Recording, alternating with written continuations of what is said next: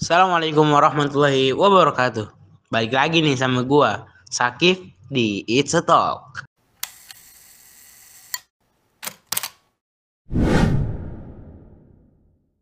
Bismillahirrahmanirrahim. Assalamualaikum warahmatullahi wabarakatuh.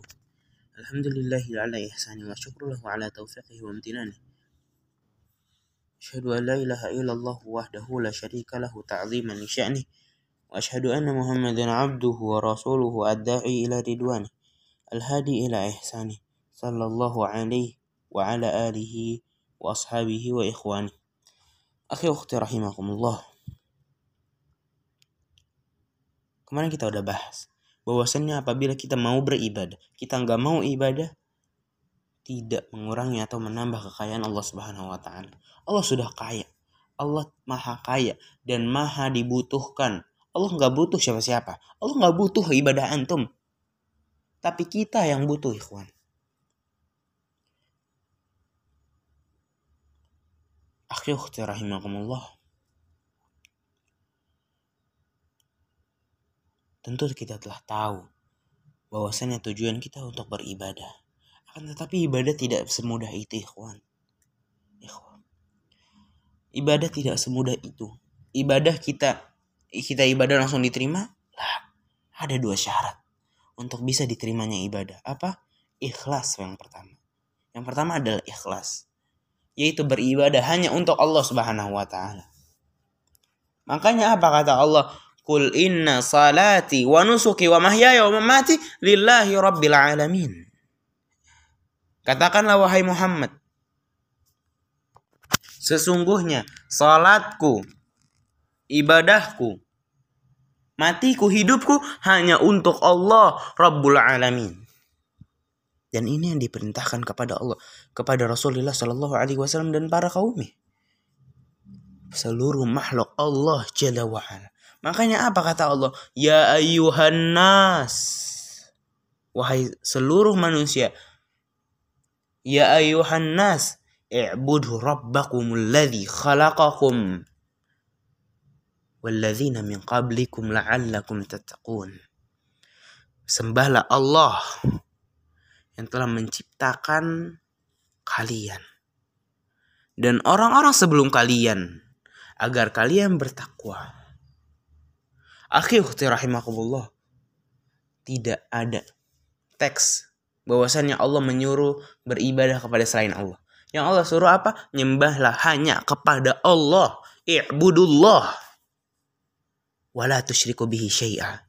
Sembahlah Allah dan jangan menduakan Allah Subhanahu wa taala. Jangan mensyirikan Allah Subhanahu wa taala. Jangan mengadakan tandingan bagi Allah Subhanahu wa taala. Jadi bagi antum yang beribadah kepada Allah akan tetap masih minta kepada kuburan, kepada orang-orang saleh yang engkau menganggapnya saleh. Ini adalah kesyirikan. Hati-hati dalam meminta. Mintalah kepada Allah Azza wa Jalla beribadahlah hanya kepada Allah Azza wa Jalla. Kita mau minta ini, minta itu, minta langsung sama Allah. Tadahkan tangan antum ke kepada Allah. Bukan kepada kuburan. Apa bedanya antum sama orang musyrik zaman dahulu? Musyrikin Quraisy. Ketika dia ditanya, siapa yang menciptakan kamu? Maka mereka berkata, Allah. Lalu kenapa nggak beriman? Dia mengakui bahwasannya pencipta, pengatur adalah Allah. Tapi dia juga berwasilah kepada patung-patung, kepada sesembahan yang lain. Dan ini misi yang disuruh sama Allah Subhanahu wa taala kepada nabi-nabi yang Allah utus. Sebagaimana yang Allah Subhanahu wa taala katakan, laqad ba'atsna fi kulli ummatin rasulan an i'budullah wajtanibut. Sesungguhnya kami telah mengutus para rasul di setiap umat untuk menyuruhkan apa? Beribadalah hanya kepada Allah dan jauhilah taugut. Apa itu taugut? Taugut adalah sesuatu yang diibadahi selain Allah. Mereka beribadah kepada selain Allah. Maka inti dari pembahasan ini apa? Sembahlah Allah Jalla wa'ala dan jangan kepada yang lain. Jangan ke yang lain. Ke lah. Ke wali-wali lah mereka orang saleh, ya orang saleh, dicontoh bukan diibadahi. dicontoh. Orang yang ahli ibadah itu dicontoh ibadahnya. Ulama itu dicontoh bagaimana mereka menuntut ilmu, bagaimana adab mereka dalam kehidupannya. Bukan diibadahi, ikhwan. Ibadah hanya kepada Allah Subhanahu wa taala. Dan ini salah satu syarat diterima ibadah. Apa? Mentauhidkan Allah Subhanahu wa taala, ikhlas dalam beribadah.